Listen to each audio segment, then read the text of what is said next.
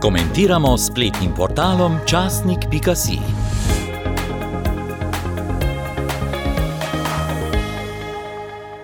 Prebrali bomo komentar z naslovom Ptiče mleko in moža vrabcev, ki ga je napisal Jože Mlakar. Ravno med možo krav vstopi v naš hlev približno deset let star fantič iz mesta. Začudeno pogleda, kaj se dogaja, potem pa zgroženo pripomni: Kaj, vi pijete mleko od teh usranih krav? Brat, ki je z močnimi rokami stiskal kravje seske, da se je mleko v golidi kar penilo, je odgovoril: Kaj vi pijete ptiče mleko ali vrabce mauzete? Dečko se je tiho izmuznil iz hleva in verjetno je tuhtal, kakšno je ptiče mleko in kako se mauze vrabce. Mestni otrok pa je tudi odrasli človek, ki nikoli ne vstopi v hlev, morda ne ve, kako se iz krav pridobi mleko, pa ga to tudi ne zanima. Ko tu in tam hodi po deželi in naleti na kmeta, ki kida gnoj in mu ta neprijetno zasmrdi, je njegov predsodek zapečen za vse življenje. Kmet je samo še psovka, ko pa hoče o tem še kaj reči, bo zaničljivo pripomnil: Ti ruralci. Vase zagledani meščanski frik ne prepoznava kmeta, od katerega je odvisno njegovo življenje.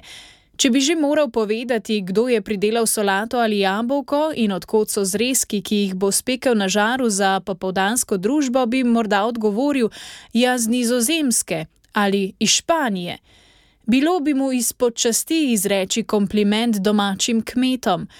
V delu slovenskega meščanstva še vedno tli ostanek razrednega sovraštva do kmetov, zato je pri belem dnevu z lahkoto izveden rob krav s kmetije na Dolenskem. Ob nakladanju preplašenih krav in telet na tovornjake se na kraj zločina ni pripodil policijski avto s sireno in modrimi lučmi, pa tudi ni bilo pričakovanih policijskih okrepitev, kot je pravilo pri ropih. Nobenega dvoma ni. Primer napada na kmete se bo ponovil. Pooblastilo za prijavo vsakega primera neprimernega ravnanja z živalmi ima, tako piše v noveli zakona o zaščiti živali, vsak aktiven član nevladne organizacije. Opraviti bo moral izpit z nekaterimi znani predpisov in ravnanja z živalmi, in to je vse. Zakaj je naloga prijavitelja in nadzora ravnanja z živalmi podeljena ravno nevladnim organizacijam? Imajo preveč časa in premalo dela? Imajo delovne in življenjske izkušnje ravnanja z domačimi živalmi? Ali pa zato, ker so nekatere nevladne organizacije podpora vladi in vladajočim gremijem? Dogovor o sodelovanju vlade z nevladnimi organizacijami je ob svoji izvolitvi za predsednika vlade potrdil sam Robert Golob so ob tem dobili zeleno luč za samovoljno presojanje, kaj je primerno in kaj je primerno ravnanje živalmi. So dobili tudi namik, naj se posvetijo predvsem morebitnim neprimernim ravnanjem živalmi, predvsem na kmetijah? In kar je še bolj zaskrbljujoče, Ali bodo izbrane vladne nevladne organizacije dobile tudi pooblastila za vohljanje okoli vogalov in kukanja skozi okna, da bi se videlo in vedelo, kdo je pri kom na obisku in o čem se pogovarjajo? Kako bo in kaj bo in kaj ne bo, bomo videli k malu. Pa še to. Bomo presenečeni, če se bodo kmetje oborožili in organizirali vaške straže?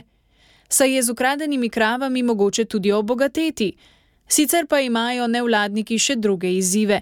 Za prihajajoče politične dogodke v naslednjem letu se bo potrebno primerno pripraviti, med drugim tudi za nakup novih koles ali še bolje, za nakup skirojev, ki se bolje odnesejo po uličnih spopadih. Tako je na spletnem portalu častnik.si zapisal Jože Mlakar. Komentiramo spletnim portalom častnik.si.